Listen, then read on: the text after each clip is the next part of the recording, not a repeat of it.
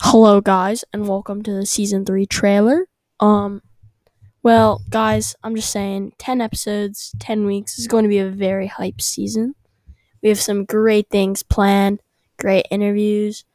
Uh it's it's going to be hype. So, can't give away too much cuz it's all confidential, but you will find out more and more every single week. Uh we're keeping Tuesdays at 8 cuz why not? Uh, but guys, if you're hearing this trailer when it first drops, know that the merch, season two merch, is being taken down forever at nine o'clock. So get yours now. Season three merch is looking very hype though. So don't worry, you'll still have more opportunities. But uh, enjoy season three.